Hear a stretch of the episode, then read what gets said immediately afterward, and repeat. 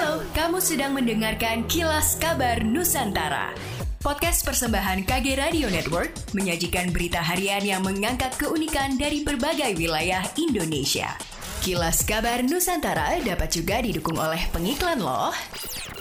Eits, sebelum kamu mendengarkan ini, jangan lupa ada podcast cuan cari untung bareng teman. Obrolan di sini lebih seru, cara mengolah keuangan, investasi, hingga bisnis. Setiap hari Rabu jam 10 pagi hanya di Spotify. Ingat ya, jangan lupa. Aglomerasi Surabaya Raya bersiap menuju level 1. Wali Kota Surabaya Eri Cahyadi mengatakan saat ini vaksinasi di Kota Surabaya sudah mencapai 111% persen untuk dosis pertama dan 85% persen untuk dosis kedua. Sementara vaksinasi untuk kalangan pelajar sudah mencapai 80% persen dosis pertama dan 50% persen dosis kedua.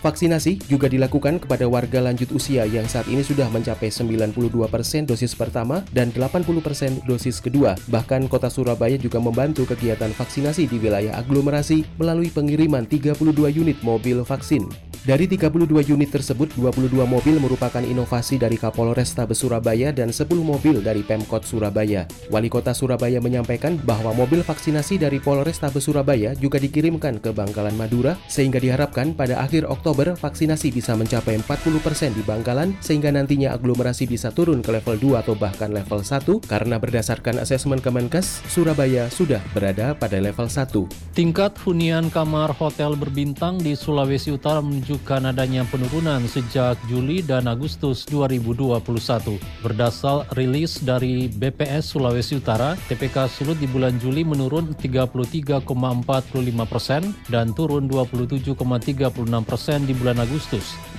Padahal pada bulan Juni 2021, capaian TPK Sulut nyaris mendekati capaian sebelum pandemi. Asim Saputra, Kepala BPS Sulawesi Utara menjelaskan, anjloknya TPK Sulut di bulan Juli dan Agustus 2021 tidak lepas dari dampak pemberlakuan pembatasan kegiatan masyarakat sebagai upaya pengendalian pandemi COVID-19.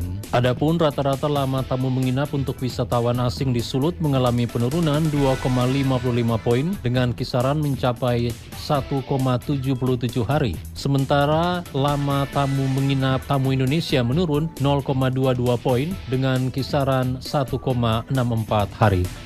Demikianlah kilas kabar Nusantara malam ini.